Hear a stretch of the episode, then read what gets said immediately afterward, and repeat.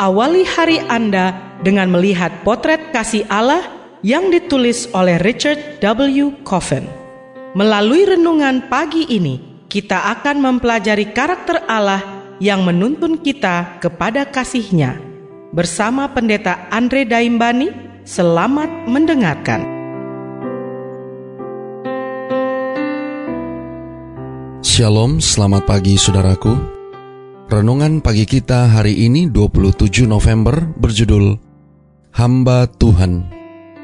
Ayat intinya diambil dari 2 Timotius 2 ayat 24. Demikian firman Tuhan.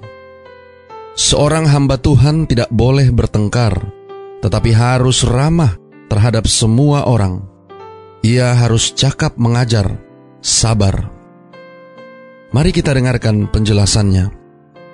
Paulus terkadang menyebut dirinya hamba Yesus, dan dalam ayat hari ini ia menyebut Timotius dengan istilah yang sama. Perbudakan bukanlah sesuatu yang pernah kita lihat dengan mata kepala sendiri, dan di dalam masyarakat Barat tidak diragukan lagi bahwasanya praktik tersebut bertentangan dengan moral dan etika. Perbudakan berkembang di zaman Kekaisaran Roma dan diperkirakan bahwa antara 25 hingga 30 persen penduduk adalah budak, berjuta-juta orang. Dan orang menjadi budak karena berbagai sebab. Tawanan dalam peperangan karena membutuhkan uang, budak yang dibayar kemudian, meminjam uang, budak karena uang, dan seterusnya. Secara umum, budak-budak pada masa itu adalah budak produktif yang bekerja di pertambangan atau perkebunan. Yang terakhir ini adalah arti budak atau hamba dalam bahasa Yunani.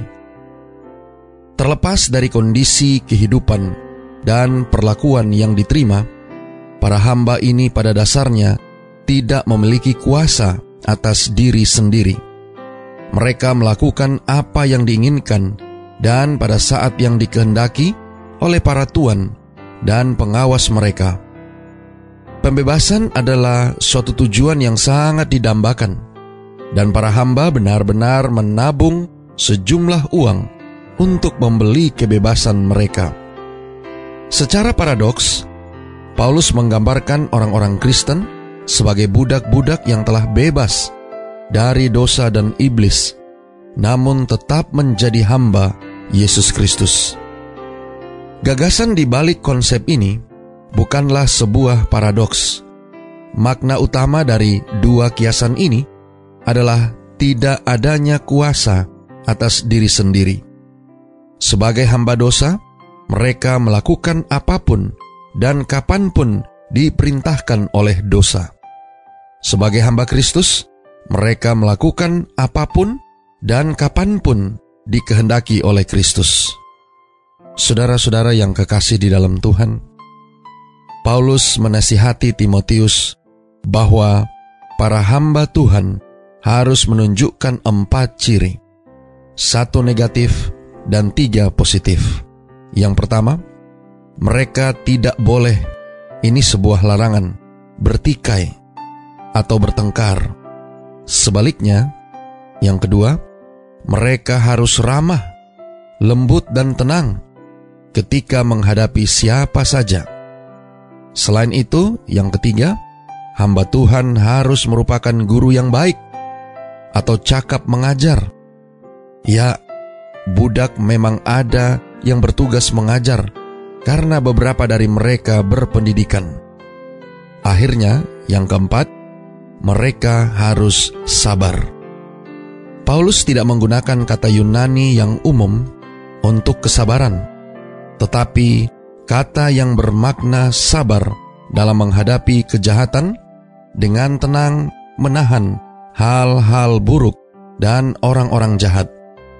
Gambaran Paulus tentang hamba Tuhan terdengar sangat mirip dengan gambaran tentang Allah sendiri. Doa kita hari ini. Bapa, terima kasih. Melalui renungan pagi ini, kami boleh mendapatkan satu pelajaran yang penting di mana kami sebagai orang-orang Kristen adalah merupakan hamba Kristus.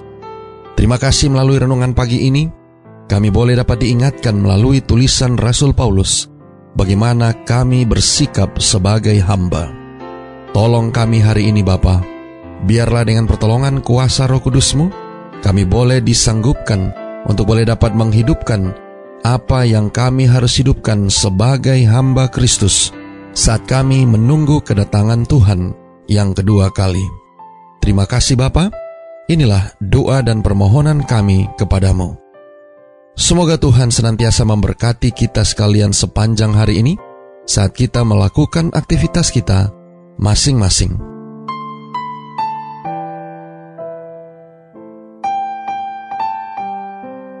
Demikianlah tadi pembahasan tentang potret kasih Allah.